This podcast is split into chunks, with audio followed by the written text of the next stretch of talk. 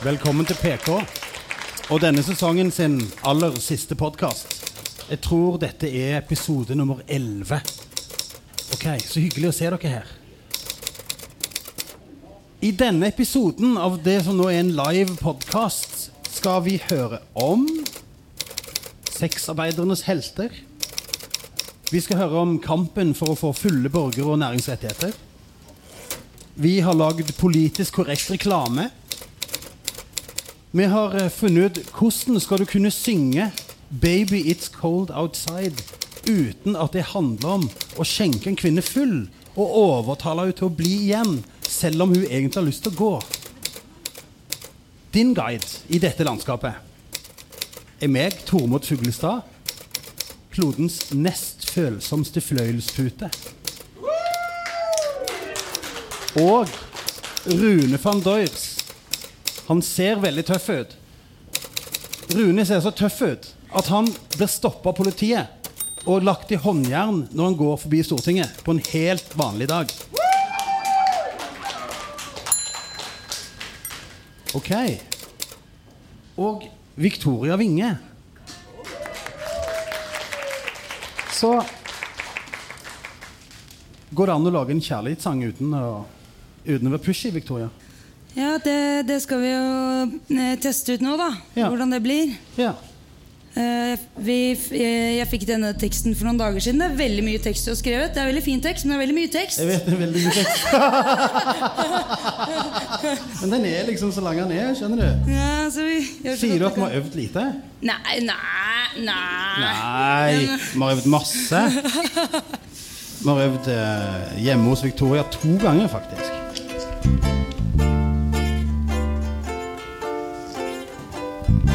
Må jeg dra hjem, Men ute er veldig kaldt. ja, kulden er slem, Og snøen har falt og falt.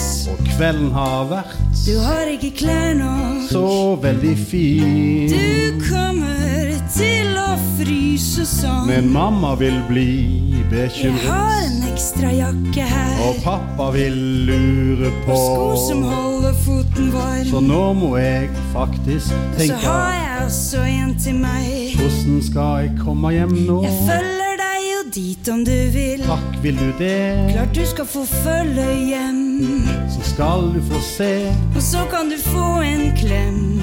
At vi kanskje vil Men bare om du vil ha. ses igjen. Jeg vil uansett ha det bra. Jeg har hatt det kjempefint. Jeg har vært så hyggelig. og du har vært veldig grei. Jeg ble så glad da du kom. Men nå må jeg gå. Og jeg blir med. Ute er veldig kald. Takk for i kveld. Du er den fineste. Jeg går bare selv. Jeg elsker å snakke med. Nå har jeg jo lov. Å smile og leke med. jakke og sko. Du er så spesiell at jeg Så vi ses nok igjen. gal gale forelskelse. Til da har det gått, min venn. Og hjertet det vil ha mer. Det går nå, så ha det bra. Så jeg vil jo drømme om En klem vil jeg gjerne ha. deg når jeg ser deg igjen. Klemmen var god, Den beste som jeg har fått. det kan bli oss to. Det ville vært altfor godt. Jeg ringer deg snart, Du har jo mobilen min. og du har min. Jeg ringer, ikke tvil på det. Da snakkes vi snart, min venn. Det blir ikke lenge til. Så til jeg ser deg igjen. Du har verdens beste smil. Ta vare på varmen din. Du på din, for det er er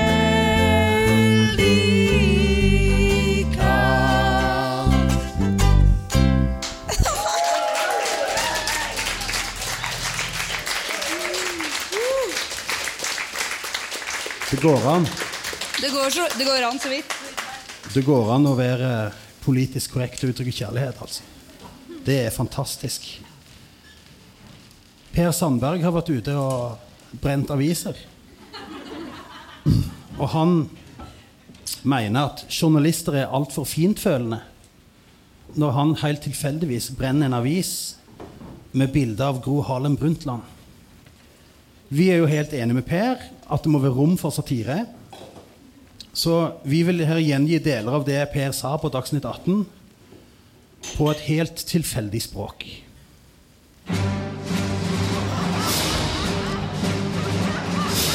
Es gibt in sozialen Medien ein paar negative Kommentare. Es ist ein Menschenrecht, Baharletten hat ein sehr starkes Befürchtnis nach schwierigen Monaten und dann muss sie es dürfen. Wir stehen dabei zusammen. Und ich habe jeden Tag gesehen und gefühlt, was diese Dame durchgemacht hat. Dann muss es auch in einen Zusammenhang interpretiert werden, dass meine Rede ein bisschen krass sein kann, ohne nach Ragnarok zu gehen und es nimmt alles. Dass du anfängst, es mit der Nazizeit zu vergleichen und so weiter. Meinungsfreiheit wird geknebelt, dass die Freiheit und ich zitiere, Freiheit. Du hast ein Bild rausgenommen. Du hast rausgenommen. Du hast rausgenommen. Du hast einen von mehreren Bildern rausgenommen, um das zu konstruieren, was du gerade machst.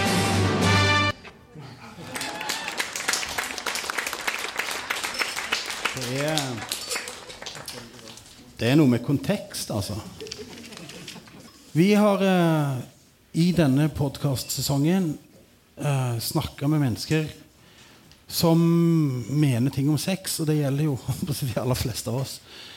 Mener jo veldig mye om sex, og så lever vi alle på forskjellig vis. Og vi har snakket med veldig mange fine folk, og noen av de kommer hit i dag. Men ei som ikke har vært med i podden, men som har lyst til å være med likevel, det er ei som har det veldig eh, friske standpunktet at vi bør legge ned sexkjøpsloven, kjent som den nordiske modellen, som er der at vi skal forby eh, kjøp og tillate salg. Ane Breivik.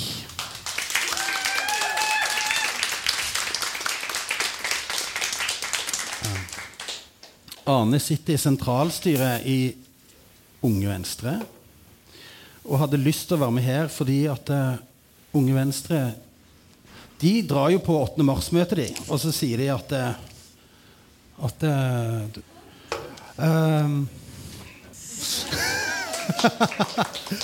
Og så sier de at vi vil gjerne oppheve den sexkjøpsloven. Og da, da får dere jo fryktelig mye kjeft. Ja. Ja. Hva er det de sier da? Uh, nei, uh, det er jo mye forskjellig ordbruk eh, som har gått igjen hvert parolemøte før 8. mars. ofte så brukes begreper sånn som horekunder, horer.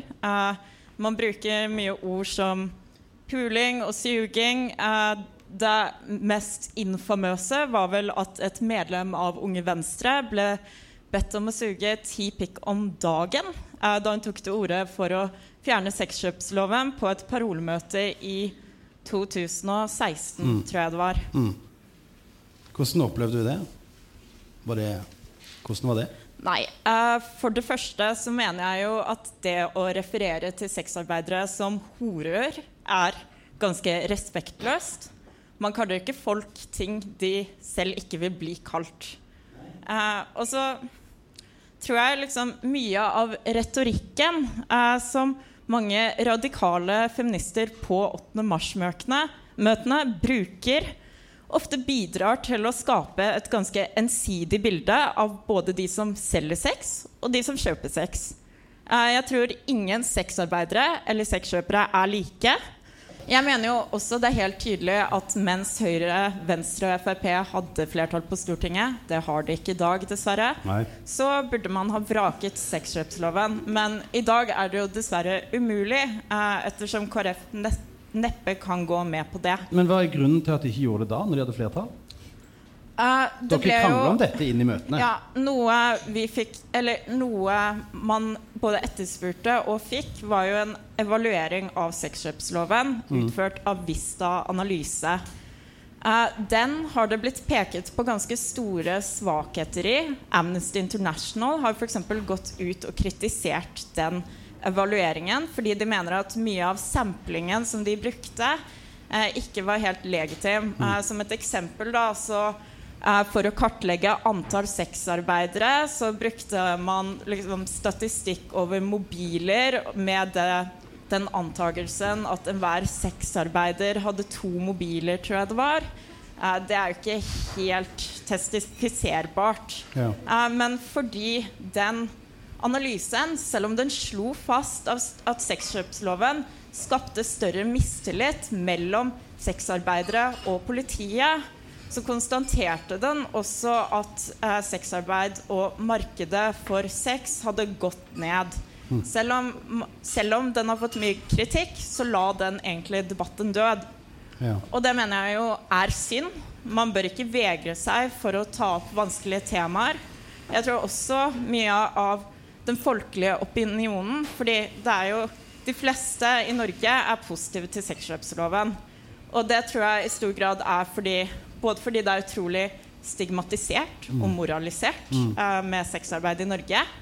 Um, men jeg tror også det kan være en konsekvens av sexkjøpsloven. Uh, statlige vedtak inngår i et samspill med moralsyn i samfunnet. Så ja. Men videre, da. Kommer du til å fortsette å slåss for eh, opphevelse av loven? F.eks. når du blir med i ekte Mamma Venstre?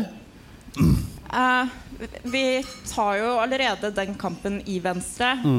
Eh, det er jo samtlige i Venstre som har gått ut i media og tatt til orde for å oppheve sexkjøpsloven. Så ja, det er definitivt en kamp vi må fortsette å ta. Selv om det er tungt og vanskelig å snakke om av og til. Ja. Og selv om man ofte får ganske hardt ordbruk kastet mot seg. Ja. Takk. Takk, Anne. Ane Breivik her, altså. Jalla Sprite! Jalla Sprite! Den heter jo ikke det. Kan ikke det? Nei, Jalla X! Nei, det hedder den heller ikke! Nei, hva heter den da? Hva heter den da? Den heter iallfall ikke Sprite. Den heter ikke Sprite! Den heter Jalla! Jalla!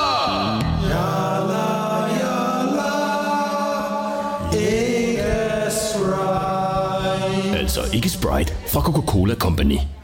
Ok. Um, jeg var på middag eh, Jeg var og spiste middag på lørdag. Og nå snakker jeg veldig mye om sex, og nå snakker jeg litt ekstra mye om sex siden jeg har denne podkasten. Og så begynte vi å snakke om sexkjøp, og så begynte vi å snakke om strippeklubber. Og det jeg, som er veldig interessant, er at når menn skal snakke om strippeklubb, så sier de først Ja, jeg vet jo ikke så mye om strippeklubb. Og så begynner de å snakke om når de var på strippeklubb.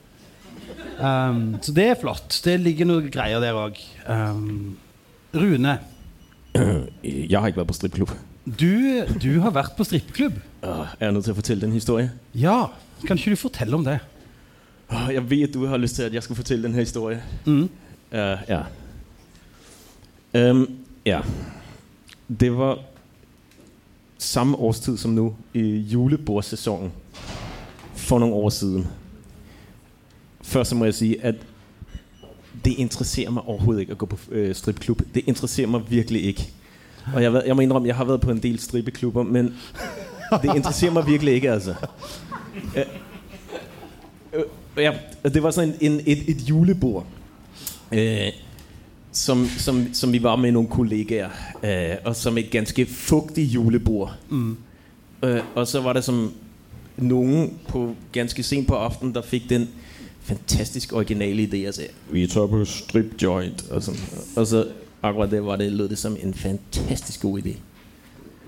Så hele banden der rejser på sådan en ganske gusten øh, stribe joint, mm.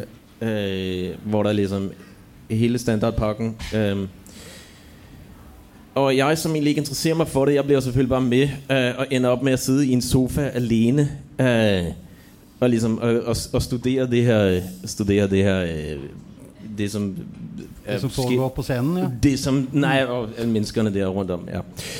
Øh, og så forstår jeg at der er sådan en regel med, at mænd kan, man kan ikke sidde alene som mand i en sofa på en stribeklub. Så der kommer så en veldig, veldig hyggelig dame og sætter seg ved siden av meg. I stringtrusser. Selvfølgelig. Øh, og siger, øh, jeg har hele replikken der med, at um, uh, hey cowboy, uh, do you like what you see? Og på sådan lidt østeuropæisk accent. Og jeg, jeg tænker, yes, den her diskussion, den her samtale, den øh, kan allerede se, den fører ikke så, så langt frem. Så lidt arrogant, så siger jeg, etter hvert, så siger jeg sådan, kan vi ikke, øh, småfugl, så siger jeg sådan, kan vi ikke øh, snakke om noget, noget interessant, eller sådan noget? Og så jo, hvad vil du snakke om? Så siger hun så på, så skal vi diskutere filosofi? Sådan, yes, what would you like to discuss? Så siger jeg sådan, "Pah." og så siger hun, would you like to discuss uh, uh, si, uh, Sartre og Nietzsche? så, så hun, hun så, ja, altså, og jeg begynder selvfølgelig at leve, selvfølgelig, det er klart. Og så begynder hun så at lægge ud i 25 minutter foredrag. Lægger ud som en tung, tung filosofi på en stribeklub. I stringtruse sidder der en dame og, og belærer mig. og da vi er færdige efter fem minutter, så hopper hun, tror jeg, tror hun hopper fra, fra Nice til, til Sartre, eller den anden vej. Jeg kan ikke huske det. Og så fortsætter hun. Og jeg ler bare. Jeg, øh, hun sidder i stringtrusser og på stribeklub.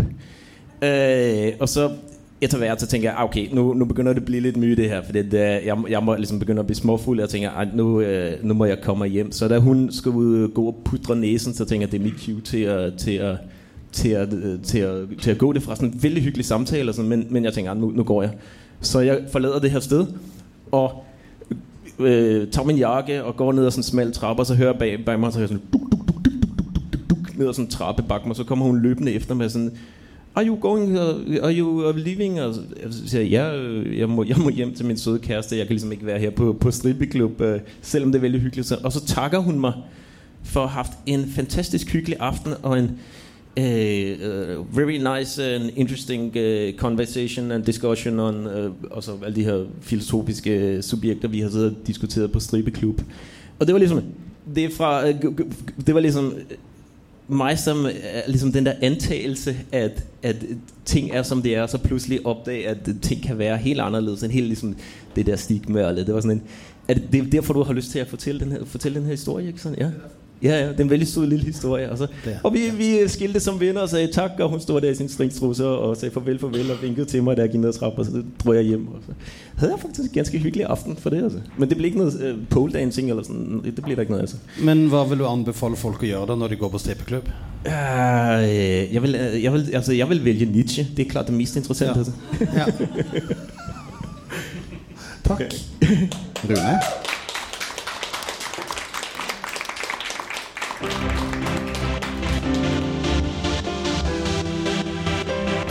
Er du tørst? Trenger du noe å drikke? Jeg! Ja, du vet hva som er best. Nei, det vil jeg ikke! Det er den lokalt produserte Tøyen-colaen. Tøyen-cola! Må ikke forveksles med Coca-Cola. Ikke forveks med! Coca-Cola! Ikke forveks med! Coca-Cola! Tøyen Cola. Altså ikke Coca-Cola fra Coca-Cola Company.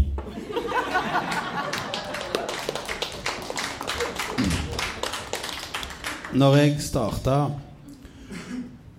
det, det er liksom noen samtaler som går så mye dypere enn det du hadde tenkt. Når jeg starta denne podden, så maila jeg Pion, som er prostituertes interesseorganisasjon i Norge.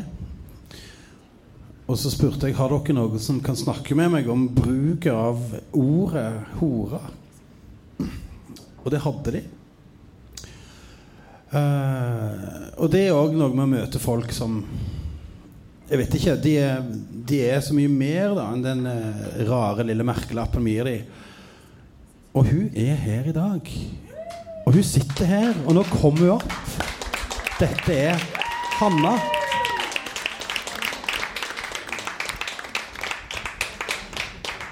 Takk skal du ha. Hei, Hanna. Hei, Tormod. Og vi snakket om så mye fint i den podkasten, husker jeg. Jeg syns det var så fint å sn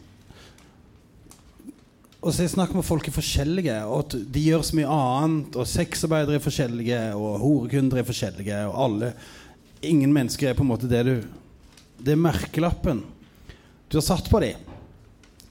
Sånn, så jeg kan bare Denne dama her var det episode to. Hør på den. Det er veldig koselig. Tusen takk. Ja. I dag skal vi snakke om noe litt annet. Um, det jeg ikke visste om deg før jeg kom hit i dag, som jeg, som jeg bare er nødt til å begynne med, det er at i fjor så var du og snakket for FN. Ja, det var jeg. Hva var det for noe? Ja. Um, jeg er vel en av de få Jeg syns det her er jo kjempespennende for min egen del også. Jeg er et av disse her menneskene som har uh, pult seg til FN.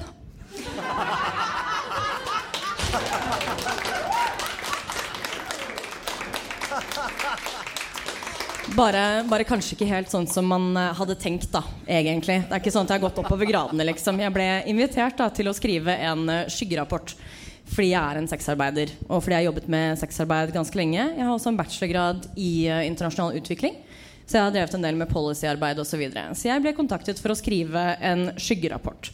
Så når Norge kommer til FN i disse her, Vi har forskjellige traktater, vi har konvensjoner. Det er mange nivåer og steder i FN hvor Norge er med. Og da er det veldig gunstig da, for den norske regjeringen å virke så bra som mulig. Det er derfor vi ender opp med sånn Å, Norge er nummer én i likestilling, og vi er nummer to her, og ikke sant, eh, livskvalitet osv. Så, videre.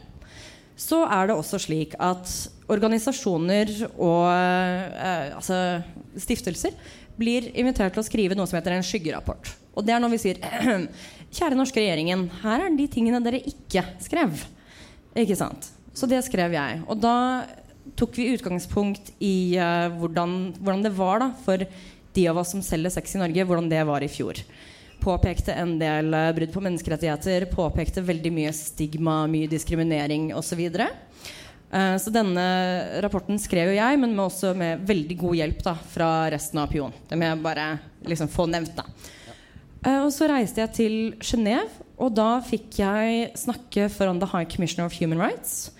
Uh, det er nok det største jeg har gjort i hele mitt liv. Og jeg var så nervøs at jeg holdt på å ramle av stolen.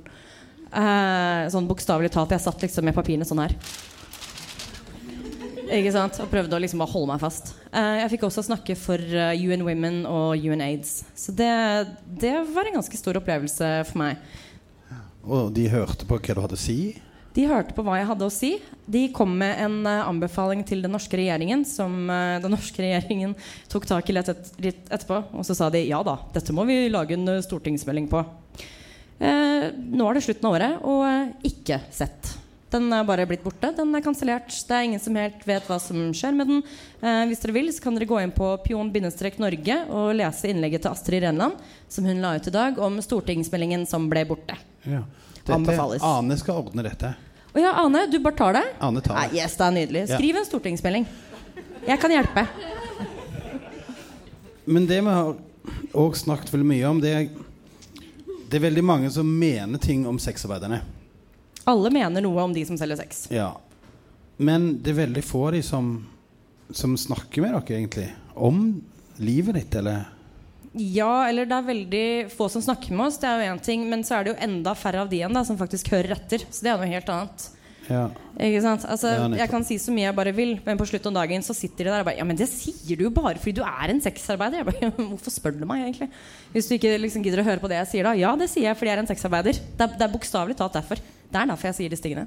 Men du påstår altså at det er du som best vet hvordan du har det i ditt eget liv? Tenk så merkelig at jeg mener det. Ja, du mener det? Det er helt, det er helt grusomt. Herregud. Fordi du lever jo i en veldig politisert hverdag. Ja, det gjør jeg. Sånn at det lages jo politikk rundt deg og din jobb hele tiden. Og vi krangler i podkaster òg på Stortinget om dette. Jeg har slutta å svare på det, faktisk. Det, det, bare gjør jeg ikke lenger. Så spørsmålet da, som kanskje ikke kom med her, det var hvor mange ganger får jeg spørsmål fra Ottar? Eh, personlig ikke så ofte. Mye på nett og sånt noe. Men da er det ikke spørsmål heller. Det er jo mer sånn påstander. Det er mer påstander. Ja. Jeg har jo møtt de menneskene også i forbindelse med dette. Og de er kanskje ikke så interessert i dialog, men mer kanskje i å fortelle deg hvordan du har det.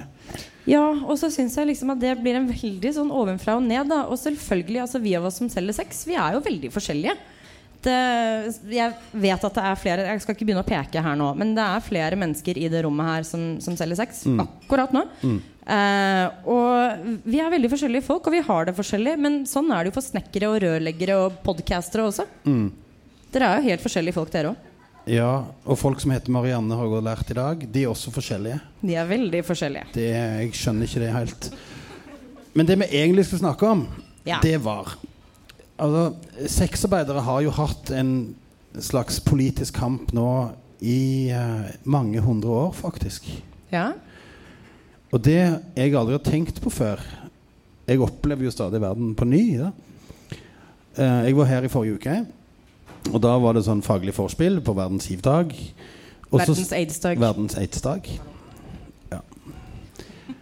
Og da satt sexarbeiderne og snakket om sine forbilder. Og jeg har jo aldri tenkt på det før. Jeg burde jo ha tenkt på det før. Det hadde jeg ikke.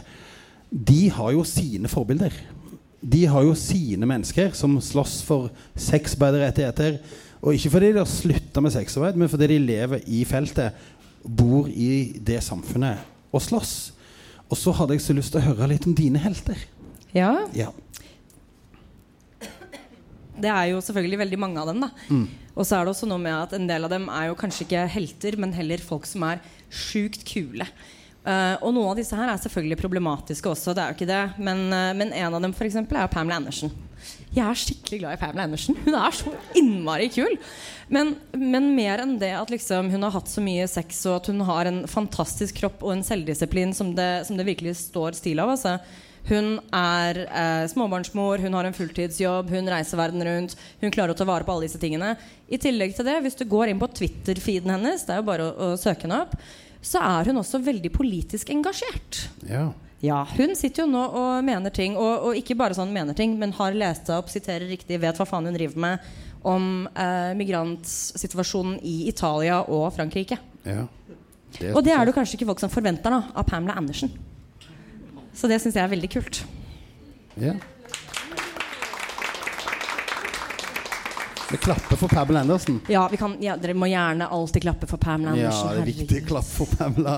Hvilke andre er det du har eh, lyst til å trekke fram? Uh, Stormy Daniels. Mm. Selvfølgelig. Hun er vel kanskje den mest berømte sexarbeideren akkurat nå i 2018. Etter uh, disse hemmelighetene som kom fram om Trump. Mm. Det er også en veldig driftig og smart dame som har klart å spille den situasjonen her helt riktig. Altså Hun kommer aldri til å være blakk igjen, for å si det sånn. Det, hun klarer seg helt fint. Ja, neste, neste, vær så god. Kjøre videre. Kjøre videre. Uh, Maya Angelou. Poet. eh, politisk aktiv. Skriver mye. Eh, det syns jeg for øvrig også er litt morsomt. sånn Nå skal ikke vi på måte henge ut folk her, men jeg har jo også gått kjønnsforskning på Universitetet i Oslo. Der, der måtte jeg slutte, for det, det ble for mye radikal feminist for meg. Men eh, der satt jo folk og bare Åh, Maya Angelou og det derre Still I Rise. Og det er jeg bare Dere vet at hun solgte sex? Dere er klar over det, liksom? Har dere lest det diktet ordentlig, eller? Og så gjorde de jo det og bare Å ja, å ja, men det må jo være en sånn Det må jo være litt stakkars henne. Maya Angelou har aldri sagt det. Hun har aldri sagt at det var synd på henne pga. det. Det var mye annet hun dro fram som var viktig i livet sitt. Men dette her med å selge sex, det syns hun antageligvis var litt mer greit. Og så har vi Marsha P. Johnson. Forkjemperen i Stonewall-opprøret. Grunnen til at vi har pride, eller tidligere kalt Skeive dager, i Oslo. Uh, og Tom Morello, gitaristen i Rage Against the Machine og Audioslave. Fy fan, for en bra kar. Ja. Så dette her er da mine, mine idoler. Folk jeg ser opp til. Og de skammer seg ikke for å ha solgt sex. Nei, de gjør jo gjerne ikke det. Det er så rart, det der, altså. Ja, altså Pleier dere å skamme dere for all den sexen dere har? Jeg syns ikke det er rart i det hele tatt. Jeg skammer kanskje for noe av det.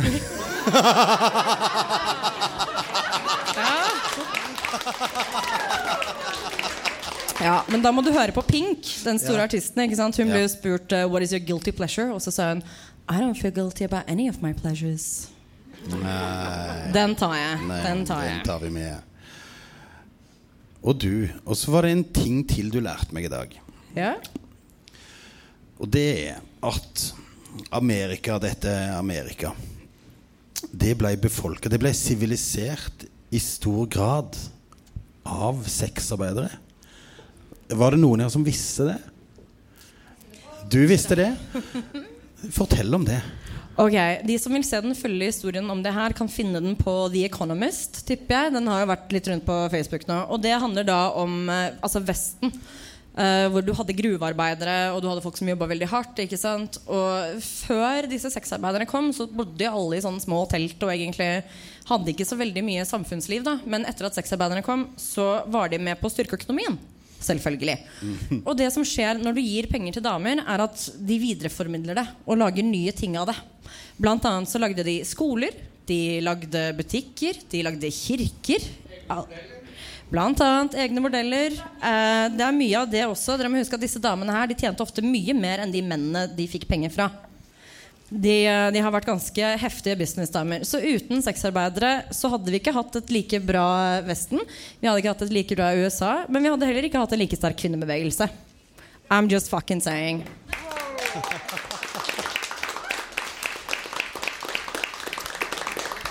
Du, eh, nå går vi Nå skal vi avrunde dette. Ja.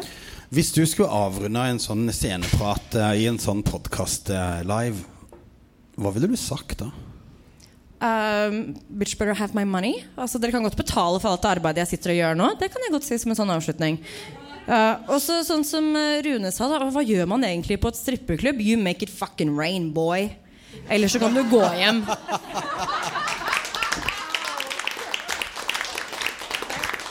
Takk, Hanna. Selv takk. Takk for dette. Oh, jeg er så eh, glad i å treffe disse menneskene, fordi at eh, de er alltid så mye mer, da. Enn det man eh, ser på for seg på forhånd. Eh, Rune? Hva gjør du nå, Rune? Rune?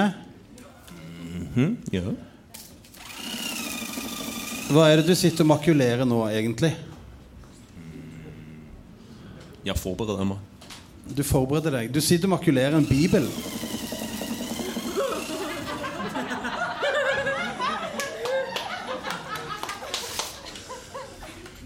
Vi skal jo ikke ha om Vi skal jo ikke ha om det nå.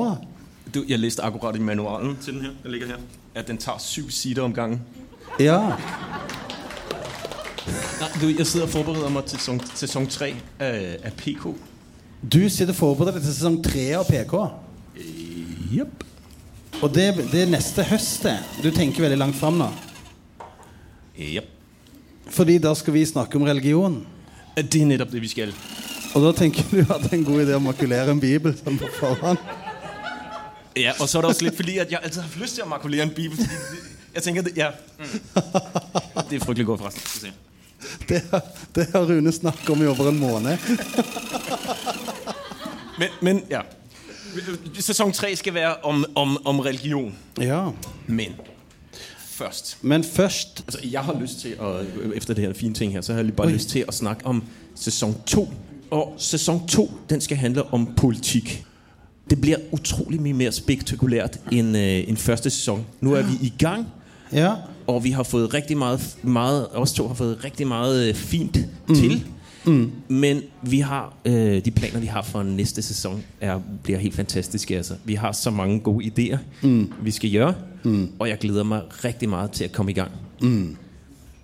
Men jeg må si én ting om det med religion. For det vi skal prøve å gjøre i religion, som vi òg skal prøve å gjøre i sesong to, som er til våren Det å finne de menneskene bak de merkelappene som er innen politikk og religion.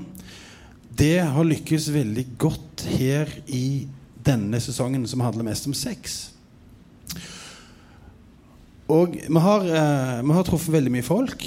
Um, I den ene episoden så, eh, så traff vi en som heter Jonas.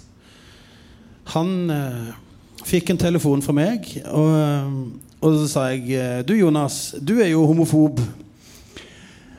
Eh, og han bare Nei, det er jeg jo ikke. Og så var jeg litt sånn Jo, ja, på en måte så er det jo det. Og så, eh, så tenkte han litt. Og så snakket vi sammen neste dag. Og da sa Jonas Jeg skjønner hva du er ute etter nå, Tormod. Eh, jeg kan godt bli med på det intervjuet. Det var en veldig hyggelig prat. Og det jeg syns er veldig viktig med å snakke om det jeg kaller homofobi, det er at vi må skille mellom det å være redd for noe og det å mislike noe. Mm. Og det Jonas er helt tydelig på, er at selv om han før i fall var litt ukomfortabel rundt homofile og syntes det var litt vanskelig Jeg kan anbefale det intervjuet, det var veldig koselig. Så har han ingenting imot homofile, og han støtter kampen. Og han har til og med skrevet artikler til støtte for kampen, så det er ganske merkelig. Også dette mennesket rommer mer enn en ting.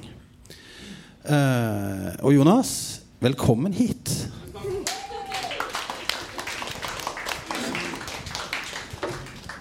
Nå skulle jo Jonas egentlig møte Jarl, som er en av mine yndlings eh, venner.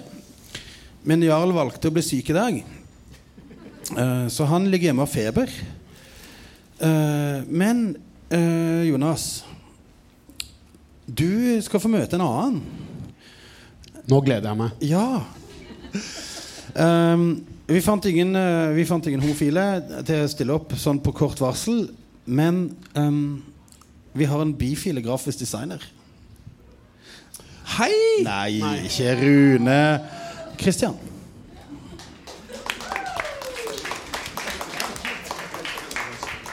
Ok, hvis Ja, nettopp, sant? Det forventes at du står her. Jonas, Kanskje vi får bare Hvordan er det for deg å møte denne bifile mannen nå? Nei, Nå ble jeg veldig eh, innesluttet og redd og engstelig. Nei, Du blir jo ikke det. Nei, jeg gjør ikke det. Går det, går det greit? Du, Det går veldig greit. Jeg er mer eh, opptatt av hva du syns om meg, da. Du, du er jo kjekk, da. Men dette er litt sånn symptomatisk, da, for at der går vi med en gang over i en sånn seksuell lava greie, det. som er min frykt. Men det var det som uh, Tormod ba meg om å si. For å si sånn. Du fikk faktisk betalt yeah. for å gjøre det. jeg får ikke, jeg får ikke en krone. men uh, Pay up. Men uh, nei, uh, jeg skjønner deg, jeg. Jeg kan være litt homofob selv. Ja, du kan det? Ja. Hvordan For- da? Nei, fordi eh, eh, homofile kan også diskriminere.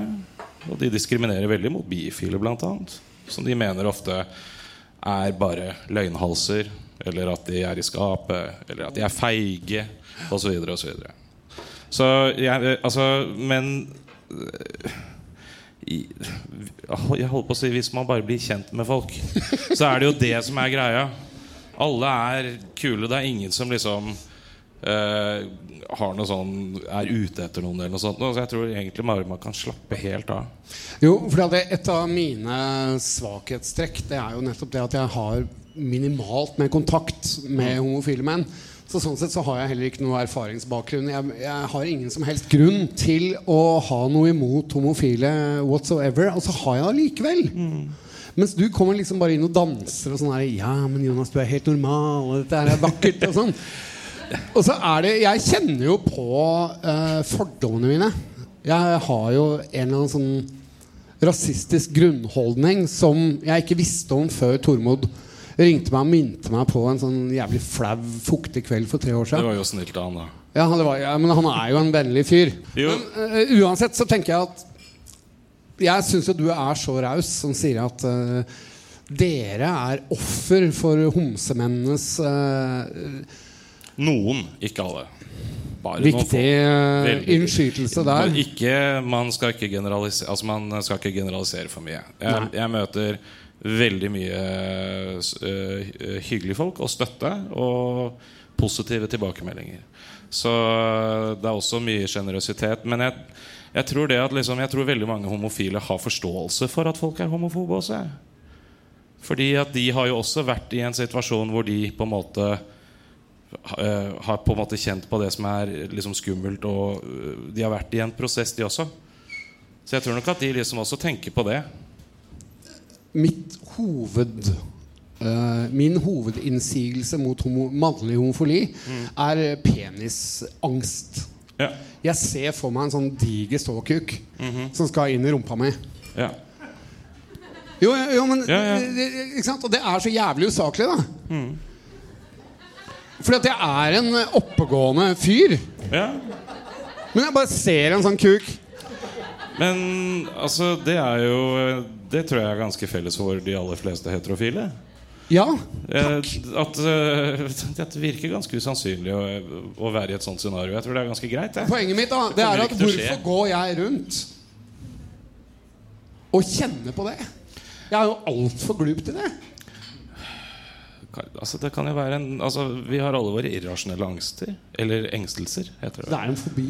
Ja, og det Jeg holdt på å si det må jo være greit. Men min Jo, erfaring jeg har edderkopper i kjelleren. Ja, ja. Jeg har hybelkaniner under sofaen. Mm. Jeg har uh, Ja. Og eh, det gir ikke meg samme angsten som den derre Nei. Og de, den er så irrasjonell. Ja, men jeg har et jeg, jeg prøver å komme nærme meg selv her. Ikke sant? Og det, Hvorfor? det kan jo ikke jeg svare på. Men jeg kan bare av egen erfaring Så kan jeg si ting jeg er veldig redd for. Uh, har jeg ofte en taktikk med å prøve å utfordre meg selv på. Men med å liksom på en måte nærme seg Hvis du er redd for høyder, da, så kan man prøve å liksom se litt over kanten. Eksponeringsterapi. Eksponeringsterapi, rett og slett. Og uh, du, har nok mått, altså, du har nok møtt flere menn som har sex med menn enn du tror. Fordi sånn som min, min gruppe da er jo den usynlige gruppen. Den som på en måte Som passerer for å kanskje liksom være streit. Og så hvis jeg Altså hvis jeg skal på en måte gi uttrykk for at jeg liker begge deler, så må jeg på en måte liksom få det inn i samtalen, sånn at de blir totalt forvirret i det ene øyeblikket. Si at hun var dødssexy. Og Du må kverne homofilien inn Ja. der på en eller annen måte. ja, nei, men altså, jeg ville bare tenkt at som råd fra meg til deg, da, så ville jeg bare tenkt at eh, ikke vær så redd for at du er redd for det, på en måte. Ingen Altså, du er jo Du står jo faktisk her foran masse mennesker og sier at du er redd for homofile. Ja, men jeg er ikke redd for homofile. Jeg er redd Nei. for kuken. Ja, men altså, den skal du få slippe. Ja, men det er enda mer ill, ill, altså, det, er, det er totalt irrasjonelt. Det er det, og det er det aller meste av det som er irrasjonelt. Så jeg vil si at bare Mine damer og herrer, The Man. Veldig gode råd. Takk til Kristian og Jonas.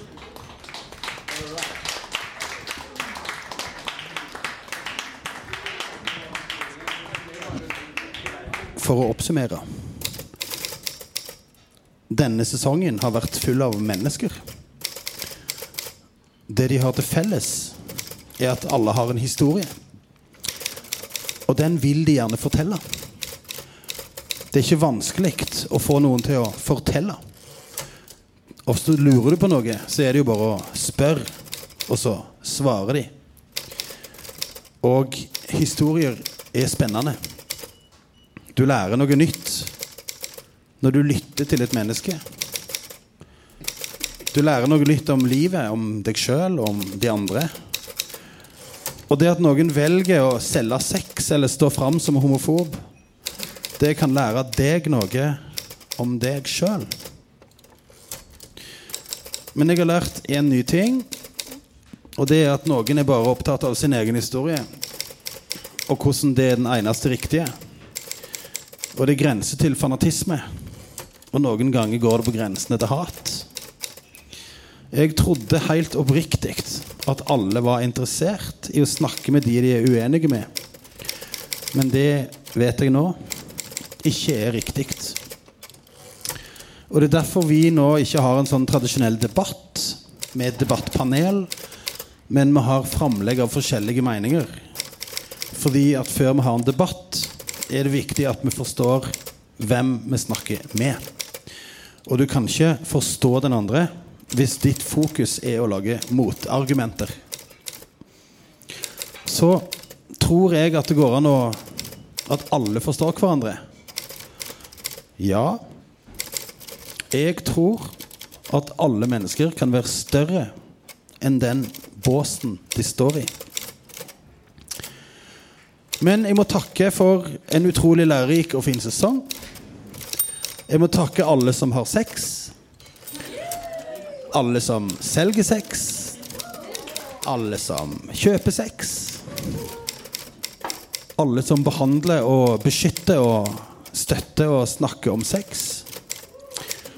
Og for den tilliten jeg har fått, som har fått lov å snakke helt inn i de innerste rommene med folk jeg aldri har møtt før. Det har vært utrolig fint. Vært veldig fint. Jeg eh, har bare en liten ting igjen å si. Det er den drømmen vi bærer på. At noe vidunderlig skal skje. At det må skje. At tid skal åpne seg. At hjertet skal åpne seg. At dører skal åpne seg. At kilder skal springe. At drømmen skal åpne seg.